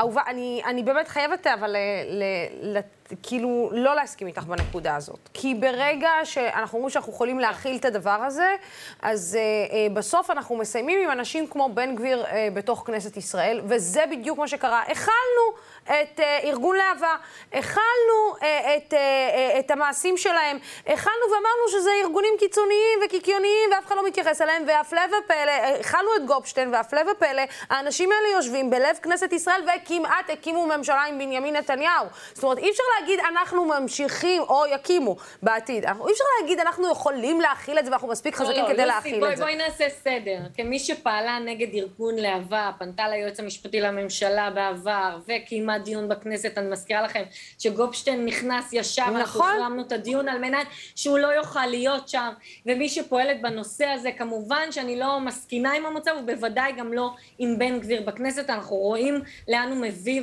ומסלים את המצב במדינה. אני אומרת, אני אפנה על כך לשר ההתיישבות, אני חושבת שלא נכון שהמדינה תממן את זה. בוודאי מדובר פה בהסתה, הרי שצריך לפנות, ואני חושבת שמדובר בהסתה נגד קהילת הלהט"ב, צריך לפעול מול הדברים האלה וצריך לפעול בנחרצות. אני אומרת רק, בואו נסתכל רגע בפרספקטיבה ובפרופורציות, אנחנו כרגע הצד, אה, אה, לא לעולם חוסן, אבל אנחנו כרגע בצד שמוביל, כלומר אני חושבת שנכון להראות לציבור את אותם קיצוניים, מסיתים ו- ולטפל בסוגיה הזאת, אך מצד שני להבין שכל זה קורה מכיוון כן. שיש קדמה, ככל שיש יותר נשים למשל דתיות שרוצות להתגייס לצבא, ככה כל הארגונים האזוטריים האלה של חבר הכנסת אבי מעוז וחבריו אה, הולכים לבתי ספר ומנסים לשכנע אותם לא להתגייס, כלומר זה איזושהי תגובתיות, זה לא אומר שזה בסדר, חס וחלילה כראש השדולה הגאה אני חושבת שזה אסון, אני חושבת שזה נופל לצערי הרב עדיין על אוזניים כרויות להקשיב, בוודאי בחלקים יותר קשים בחברה הישראלית, בחברות שמרניות, בחברות בפריפריה, אין ספק שצריך להילחם, לא, לא התכוונתי שלא נילחם בזה, ואני מתכוונת אישית להילחם בזה, אני רק אומרת שאנחנו צריכים לזכור שרוב הציבור הישראלי, ולתת לו קרדיט על זה,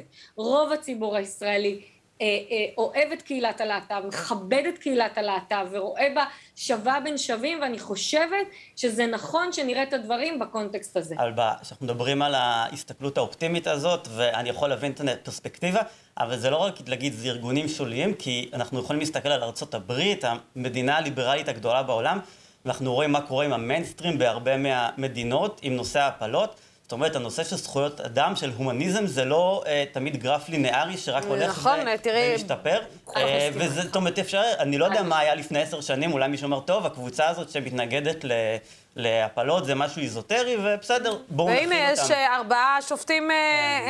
אה, רפובליקנים בתוך בית המשפט העליון בארצות הברית, שיכולים להעביר פתאום החלטה שהיא שייכת לימי הביניים. אני רוצה שערן ומיכל תישארו איתנו, אבל רועי, רגע לפני שאנחנו נפרדים ממך, אתה גם היית היום בהפגנת הנכבה השנתית באוניברסיטת תל אביב, וראית שם גם אלימות לא פשוטה. אנחנו גם נגיד שבעצם גם במהלך ההפגנה הונפו שם גם דגלי פלסטין. אה, בתוך אה, מה שעורר זעם בקרב הרבה מאוד אנשים, שזה בתוך אה, גבולות ישראל, זה כבר לא הלוויה, זה כבר לא מה בדיוק היה שם. כמו שאמרת, כל שנה יש הפגנה לציון יום הנכבה באוניברסיטת תל אביב, בדרך כלל סטודנטים של תא חד"ש, תא בל"ד, כן. שעושים את ההפגנה, וגם בשנים האחרונות ממול עומדים אם תרצו. ממה שהבנתי בשנים האחרונות תמיד יש איזשהו איזשהו עימות ביניהם, אבל השנה זה היה בעוצמות מאוד גדולות. הטקס הוא בכלל לא התחיל, הם עמדו שם בשני הצדדים. אה, אני לא יודע להגיד מי התחיל, מה המכה הראשונה, אני גם לא בטוח שזה חשוב. אה, הייתה שם אלימות מאוד מאוד גדולה. אה, האלימות הייתה בעיקר באזור שבהם המפגינים שציינו טקס הנכבה, השוטרים והמפגינים מחד"ש בל"ד והארגונים האלו. היה שם גז מדמיע, גז פלפל. נעצרו שלושה, אני לא יודע אם שוחררו עדיין. בעיניי גם המשטרה צריכה לבדוק את עוצמת התגובה, אה, ממה שאני ראיתי, את עוצמת התגובה של השוטרים למה שקרה שם. שוב, אני לא יודע לנתח כל פריים בסרטונים, ויש הרבה סרטונים, גם שאנחנו העלינו וגם שאחרים. אה, מה שכן ראיתי שהוא מתחבר לדברים האלה, אחר כך ראיתי הרבה שוטרים, אה, עם מי שנשאר באזור, מאם תרצו, מסתחבקים איתם, מתחבקים, מצטלמים סלפי, היה שם עניין משותף. כל הדברים האלה שלכאורה כל אחד מהם של עצמו הוא לגיטימי, ביחד זה מתחיל להיראות לא טוב. אה, יחד עם העובדה שאת אומרת, נשים נעצרו רק מצד אחד של המתרס, מניח שמשטרה יגידו הם אלה שהפעילו את האלימות, אני לא יודע. יש שם הרבה דברים שלא נראו טוב, אה, אני מקווה שמי שצריך לחקור את הדברים שהיו שם יחקור ויגיע למסקנות. כן, משהו לא טוב עובר אה, על משטרת ישראל. אה, לא, לא שישנה הצדקה לאלימות אה, בשום צורה שהיא, אבל אה, גם שוטרים לא אמורים להסתחבק עם צד אחד של, של הפגנה כזאת או אחרת, בטח לא בסיטואציה. זה לא הייתה הפגנה, יש הפגנות לפעמים כאלה מאוד כאלה חלושס, ושוטרים באיזי יושבים ומדברים עם אנשים. הגבולות הם, הם אפורים, אבל זו הייתה הפגנה מאוד מאוד אלימה. השוטרים הגיבו באלימות לכל ניסיון להתקרב אליהם, ופתאום אחרי ההפגנה נראה מוזר, ולא. כן, לא קיבלנו תגובת המשטרה עדיין, יש לציין. כמובן, פנינו. כמובן, אבל גם כמובן התגובות uh, לאחרונה של המשטרה הם אנחנו לא אשמים, מה פתאום, הכל בסדר, uh, זה, אבל אנחנו נמשיך לחכות uh, כמובן לתגובת המשטרה. תודה רבה, רועי. עכשיו אנחנו נעבור לדבר על תחקיר של עיתון הארץ מסוף השבוע האחרון של תנועת השומר החדש, בתחקיר של עוד ארגון ימין שזוכה לתמיכה רשמית מהמדינה, וגם לתמיכה ישירה מראש הממשלה. איתנו עדיין ערן ניסן ממחזקים ומיכל רוזין, ובאולפן מצטרף מצטרף אלינו מיד, אחד המייסדים אה, של השומר החדש, און ריפמן. אה, תחילה, אה, ערן, ספר לנו קצת על הארגון. דבר ראשון, אני ממליץ לכולם לקרוא את החשיפה במוסף הארץ בסוף השבוע האחרון, שבעצם אילו גלאזר מהארץ עשה כתבת תחקיר מאוד מאוד נרחבת על השומר החדש. אה, אני חושב שזה ארגון שחשוב שכולנו נכיר, גם את הדברים המאוד מאוד טובים וערכיים שהם עושים, אבל גם את הדברים שהם אה, פחות מעיני הציבור, אה, גם קשרים לימין הקיצוני, אנשים כמו אריה קינג, ורק דיברנו על אם תרצו היום באוניברסיטת תל אביב, הקשרים לאם תרצו, גם על פעילות במאחזים בלתי חוקיים. אני חושב שראוי שכל הורה שיש לו ילד במסגרת חינוכית שאולי יפגוש את השומר החדש, צריך להכיר את הנושאים האלה, ואני מזמין את uh, כולם לקרוא את הכתבה. אה, אז uh, כבר uh, מצטרף אלינו uh, אחד המייסדים uh, של השומר הצעיר, און ריסמן. שלום, שלום לך. כן, שהשומר החדש. הרבה פעמים מתבלבלים עם השומר הצעיר והשומר החדש. אני אספר לך אחרי זה גם... אז בוא רגע שנייה, און, אתה שומע את הדברים. התחקיר מדבר בצורה כזאת או אחרת בעד התחקיר, בעד עצמו. בוא תנסה רגע להעביר לנו את הדברים, כי מה שנאמר אה, מצדכם זה שפשוט אה, אתם נכנסתם לוואקום שהמדינה פשוט נטשה. הנמכת אותי.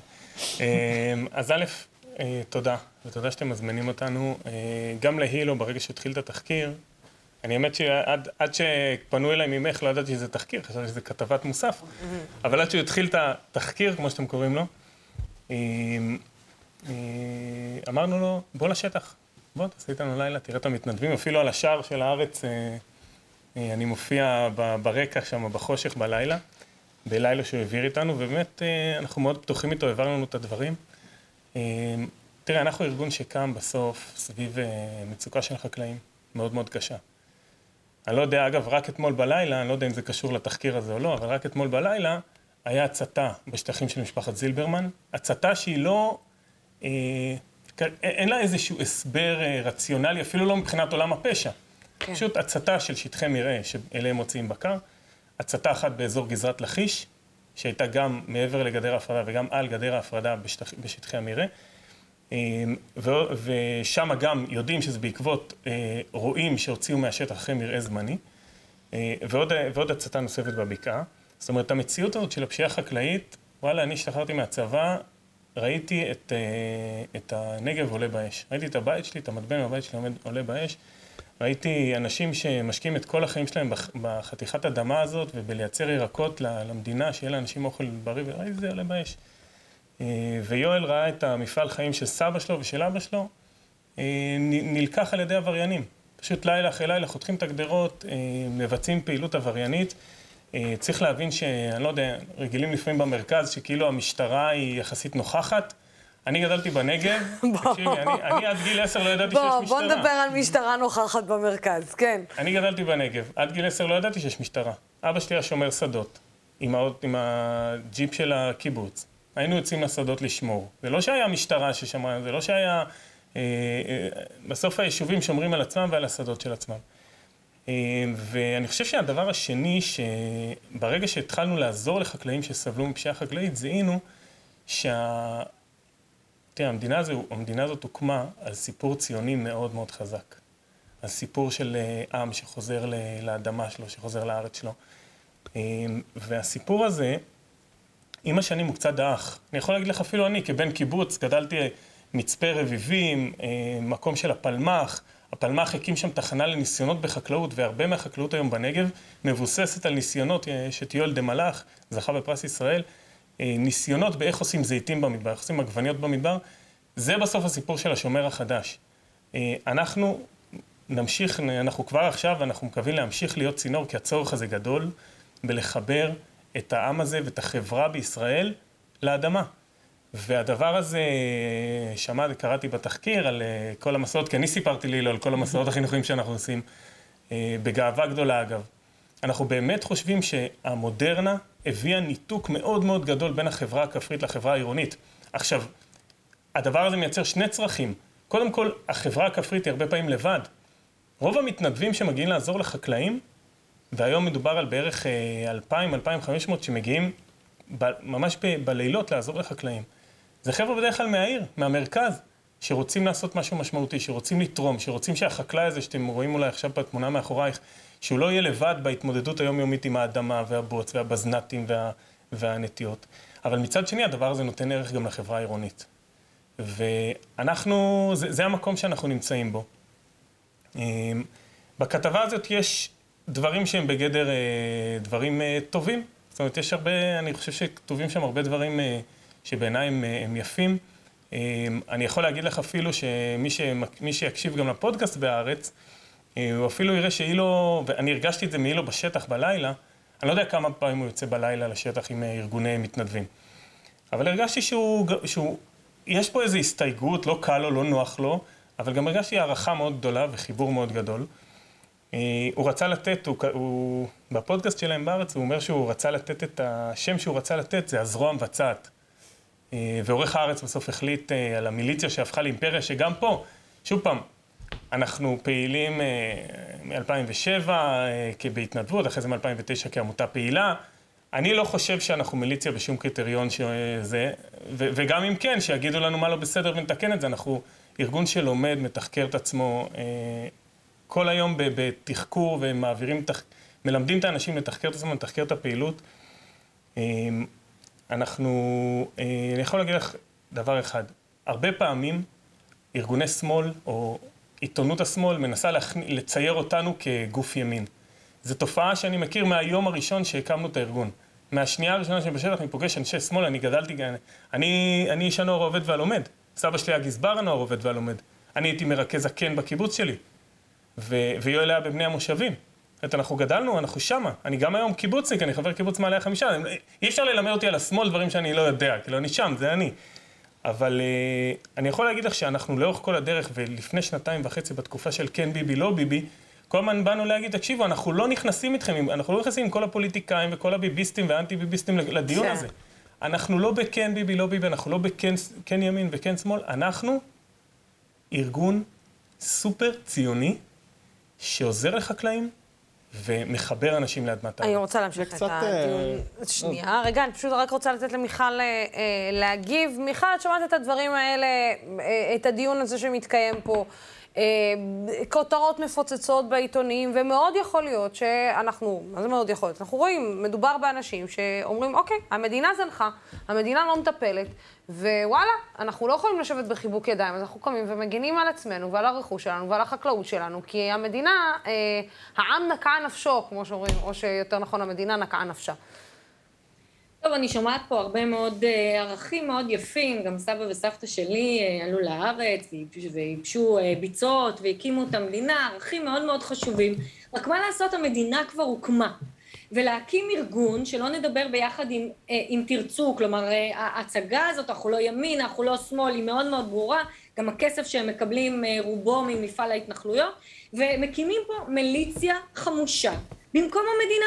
זה שיש פשיעה חקלאית, יש פשיעה חקלאית. האם צריך לטפל בה? בוודאי. אבל להקים מיליציות במקום המדינה, בכלל אני נגד הפרטה של אה, כוחות המדינה, בטח כוחות ביטחוניים, אבל בוודאי ובוודאי עמותה לא יכולה לבוא ולהגיד, בגלל שהמדינה לא מטפלת, אנחנו ניקח נשק ואנחנו נגן על אותם אנשים. יש דרכים אחרות לעשות את זה, יש דרכים אחרות לדרוש מהמדינה לעשות. הוא קרא לעצמו הזרוע מבצעת. זה לא יכול להיות במדינה דמוקרטית. לא, לא יכול להיות שבאמת עמותות יחליפו את המדינה, בוודאי ובוודאי לא בתחום הביטחון. אני חושבת שזה אסון נוראי, יש פה מיליציה כוחנית שהוקמה, שדרך אגב נכנסת גם לבתי ספר ושולחת כל מיני זרועות להרבה מאוד מקומות אחרים בשם אג'נדה כן, ימנית, ברורה, כל הדיבור הזה על התיישבות ועל הפרחת השממה, תאמינו לי, כולם חזקים בזה. אבל בסוף השאלה מה עושים עם זה. ולצערי הרב, יש פה אה, תהליך מאוד מסוכן, מאוד מאוד מערער. אני חושבת שטעו,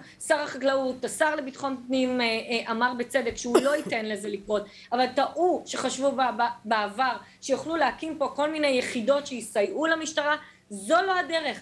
צריך לתגבר את המשטרה, צריך להוסיף שוטרים, צריך לתקצב יותר, אין בעיה, צריך לעשות את זה, תילחמו על זה, לא תיקחו את הנשק לידיים במקומם.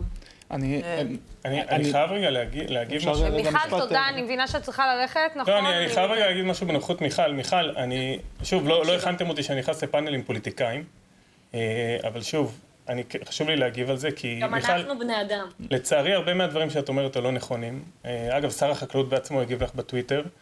אה, אני לא מסכימה איתו, בסדר, את לא מסכימה, אבל לא תקשיבי, הסוגיה שרוב המימון שלנו הוא מימין ומפלגות ימניות, זה לא שקר מוחלט. לא יודע מי, מהימין. לא, אורן מוסקוביץ', אריה קינג. זה שאנחנו לקחנו את קרן מוסקוביץ' להשקיע בערבה, אז עם כל הכבוד לזה שאתם, אה, אני לא יודע מי רואה בזה בעיה. אריה קינג הוא איש שנוי במחלוקת, איש ימין מובהק, תומך כהנא, בלאגנים שהוא עושה בשייח' ג'ראח, שהוא מחבק אתכם, אם תרצו.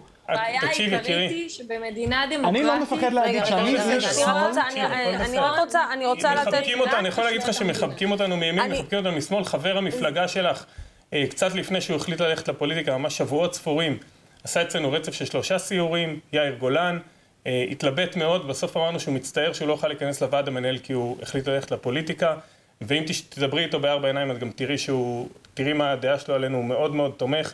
כל המושג של מיליציות במקום המדינה, שוב פעם, בעיניי זה בורות, זה פשוט אי הבנה. בורות? זה בורות, זה פשוט אי הבנה, אנחנו, אנחנו לא לוקחים נשק, אנחנו ארגון שלא לוקח נשק. רגע, הפעילים הראשונים, הפעילים הראשונים של הארגון לא היו חמושים? אני לא רוצה שזה ירגיש מתקפה, אוקיי? אנחנו לא, זה לא המקום. אנחנו אפילו מגדירים מתנדבים, מי שירצה לבוא להכשרה יוכל לבוא לראות את זה, שמתנדב לא לוקח נשק. אז אני אומר, זה בורות, וזה פשוט שקרים. עכשיו, חבל. עכשיו, אם את נגד הפרטה של שירותים האזרחיים, אז את אולי לא חיה במדינה הנכונה. במדינת ישראל יש בערך 40 אלף עמותות. לא בשירותי ביטחון. שנייה. אני לא, לא יודע. בשירותי ביטחון. את מכירה את חוק, את מכירה את חוק ההתיישבות? אני לא אוהבת את ההפרטה גם ברווחה, גם בחינוך, אבל אז תלמדי, לא בשירותי תלמדי את חוק, את חוק השמירה. חוק השמירה מחייב בחוק יישובים ועיריות לשמור על עצמם. אז מה אם זה אם לא הפרטה של אה, שירותי לא הביטחון? לא יכול להיות בידי קבוצות. אז בואו, זה פשוט בורות. זה פשוט בורות ורדידות וחבל. אני גם יכולה להגיד כל מיני אה, אה, הגדרות למה שאתה אומר, אני מעדיפה לא להתייחס לזה. אני אומרת בצורה ברורה. מנסה, את אומרת שקרים על הארגון שלי, אני, כל מה שיש לי לעשות... שיפעלו באופן עצמאי. ולא דרך המדינה. אין מקום לקבוצות, כל המדינה פועלת. אני חושבת יותר נכון, לנכון, לחזק את כוחות הביטחון שלה, כן כדי לפעול נגד הפשיעה החקלאית, צריכה לעשות את זה השומר החדש מ-2014 מחזק את מג"ב. תודה רבה לכם. מ-2014 אנחנו מחזקים את מג"ב. אנחנו אומרים למתנדבים שלנו, קדימה, בואו, התנדברתם אצלנו, הרשמה מהירה. כנסו עכשיו למג"ב לתהליכים שלהם. זה בדיוק העניין, אז למה אתה אומר שבורות? אתה מבקש להתנדב. ברור, אני מעודד התנדבות במג"ב, מה הבעיה בזה? להמשיך לממן. ואם יש צורך בעוד חיילי ושוטרי מג"ב, יש בעיה בהתנדבות במשמר האזרחי של מג"ב? אתה מדבר כאן, אתה אומר, אני רגע שנייה רוצה, מיכל, את צריכה ללכת, אז תודה רבה לך. אני כן רוצה שתנהלו פה דיון. רגע שנייה, תקשיבו אחד לשני. בטח, בטח. אנחנו, יש הרבה דברים שאתה ואני מסכימים עליהם לחלוטין. זה שיש, אני בטוח. אני לא חושב שאנחנו חולקים על הרבה דברים. נכון מאוד, אבל יש דברים, גם שאתה אומר, זה בורות, זה רדידות, זה שקרים, יש כאן כמה דברים שצריכים לשים על השולחן. אני אמרתי ספציפיים של שקרים. פעילי הארגון הראשונים היו חמושים. זה מה שהיה בכתבה. מה זה אומר חמושים? זה אומר שהם לקחו, אה, כשיואל זילברמן, אה, שותפך, שהוא מספר את הסיפור הקמה של נכון. השומר החדש. אז הוא אומר, אנחנו זיהינו צורך, ואנחנו הגענו עם הציוד הצה"לי, הנשק הצה"לי שלי. זה, מה... זה, אני אומר לך שזה שקר, הוא לא הגיע עם ציוד צה"לי והוא גם לא אומר את זה. אני אומר דבר מאוד מאוד מאוד מאוד פשוט. כשאתה אומר יחידת השומר החדש במג"ב, אתם מגייסים אנשים, אתם לא רק מעודדים אנשים להתנדב.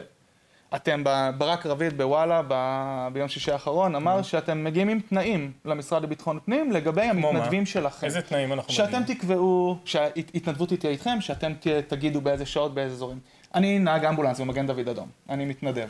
נו. אתה חושב שזה יעלה על הדעת שאני אגיד לאחרי המתנדבים שלי במגן דוד אדום, אתה צריך לדבר עם אה, מנכ"ל מחזקים, והוא יגיד לך לאיזה קריאות אני יוצא ואיזה משמרות אני יוצא. אני לא יודע מה זה מחזקים, אבל מה הקשר? לא הבנתי מה הקשר. התנדבות. מחזקים זה הארגון שהוא... אה, התנדבות בגוף... העמותה שהוא עובד בה. כן. אה, אתה עובד בעמותת מחזקים? בארגון שמאל.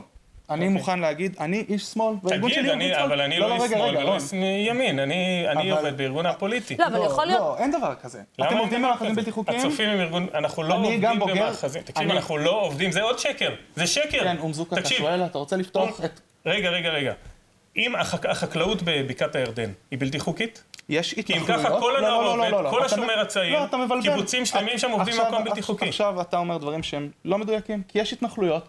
שהן לא חוקיות על פי החוק הבינלאומי, והן מכשול לשלום בינינו לבין העם הפלסטיני. שנייה, שנייה. אבל יש מאחזים בלתי חוקיים שאף אחד לא טוען שהם חוקיים. מה זה החוק? מבחינת חוקי מדינת ישראל? ישראל, מאחזים בלתי חוקיים. מבחינת הצבא. מאחזים, מבחינת משרד החקלאות. און, און, תענה לי על מאחזים. אני אומר לך, יש שם ראיון עם חייל שנשלח לאבטח מאחז בלתי חוקי. אתה יודע מי זה החייל הזה? כן, אבשלום זוהר סער. יופי. אתה יודע מה הרקע שלו? אתה יודע מה הרקע שלו? הוא בין ההתיישבות העובדת כמוך. הוא איש השומר הצעיר.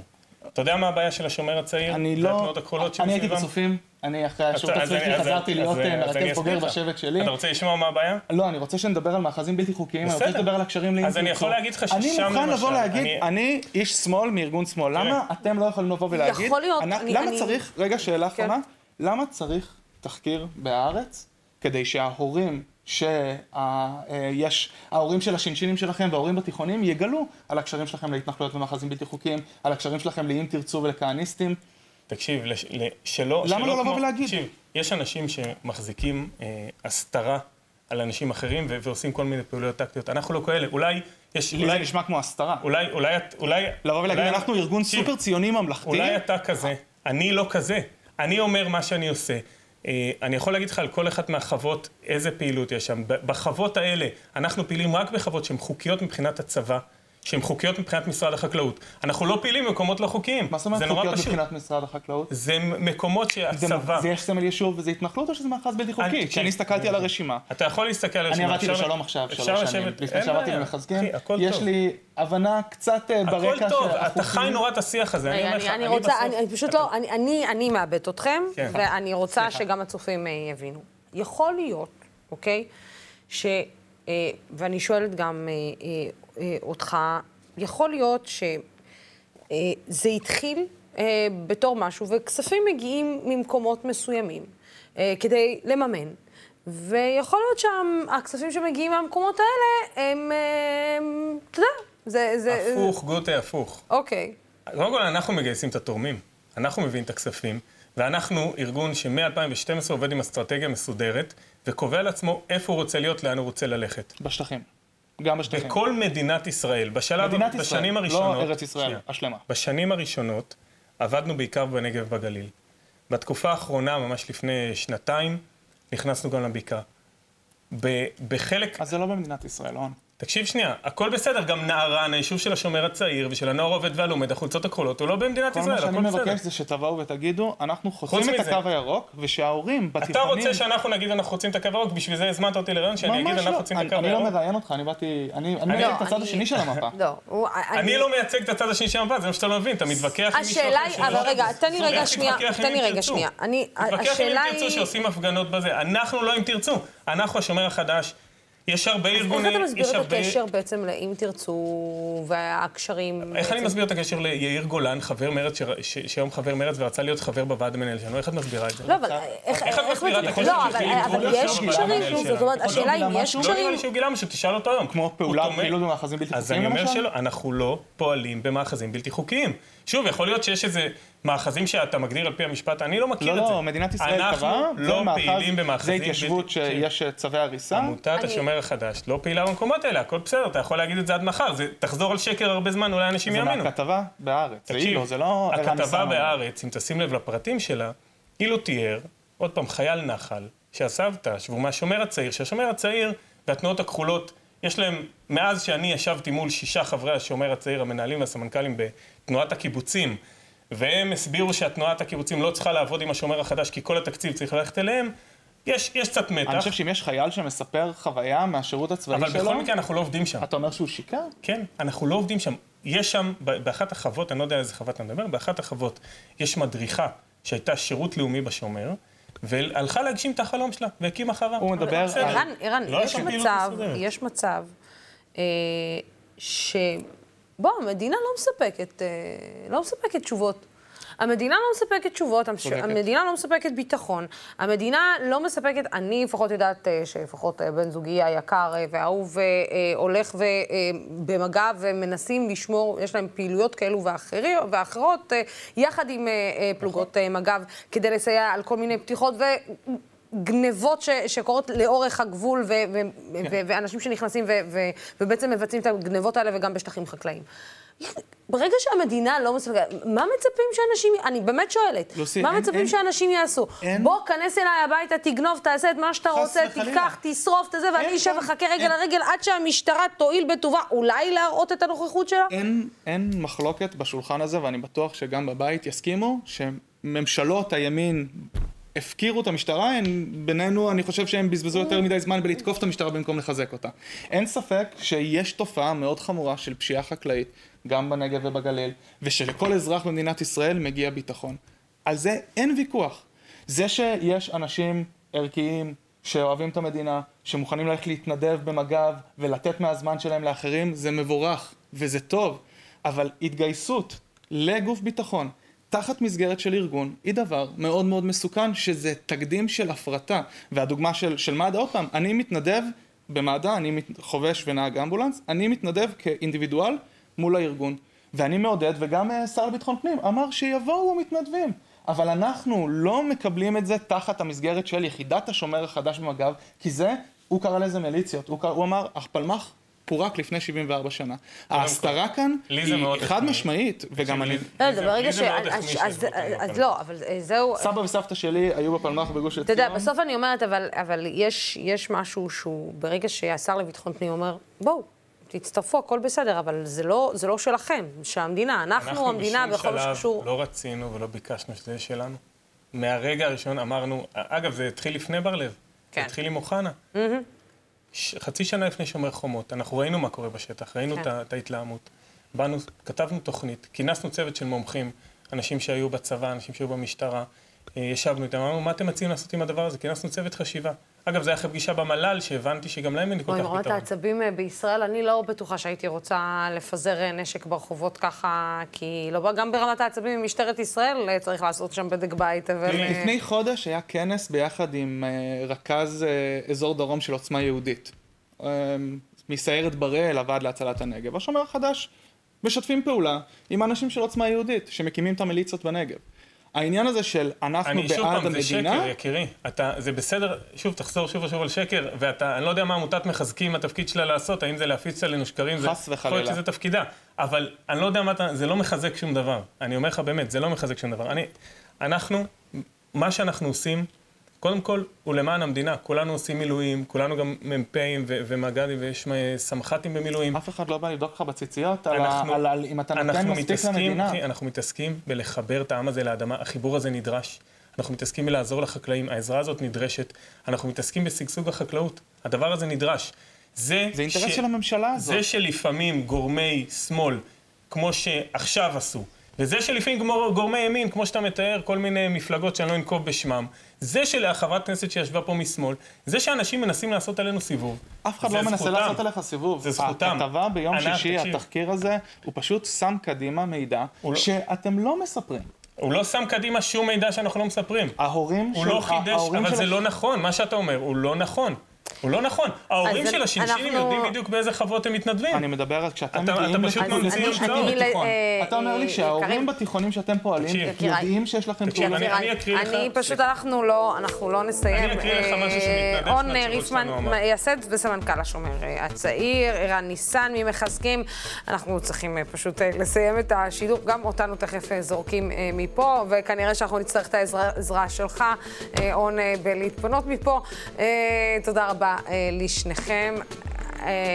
אנחנו כמובן פנינו לתגובה גם ליאיר גולן, אנחנו נעדכן גם אותך וגם את הצופים ברגע שאנחנו נקבל את התגובה מיאיר גולן. לפני שניפרד מהצופים, שימו לב, מחר בשעה שש בערב תשודר מהדורה שבועית של ישראל פריי בכנסת, עם פוליטיקאים מכל הקשת הפוליטית בשידור חי. יהיה מעניין.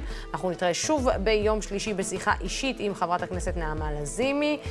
בינתיים, תודה רבה לצופים ולשותפים של דמוקרט TV. התוכנית הזאת אה, אפשרית אה, רק בזכותכם ובזכותכן. בימים כמו אלו הולכת ומתחדדת החשיבות של ערוץ תקשורת שלא מפחד להביע עמדה נחרצת בעד הדמוקרטיה ובעד שלטון החוק, בעד המאבק בשחיתות ובעד מגוון של דעות. עדיין לא הצטרפתם כשותפים של דמוקרט TV?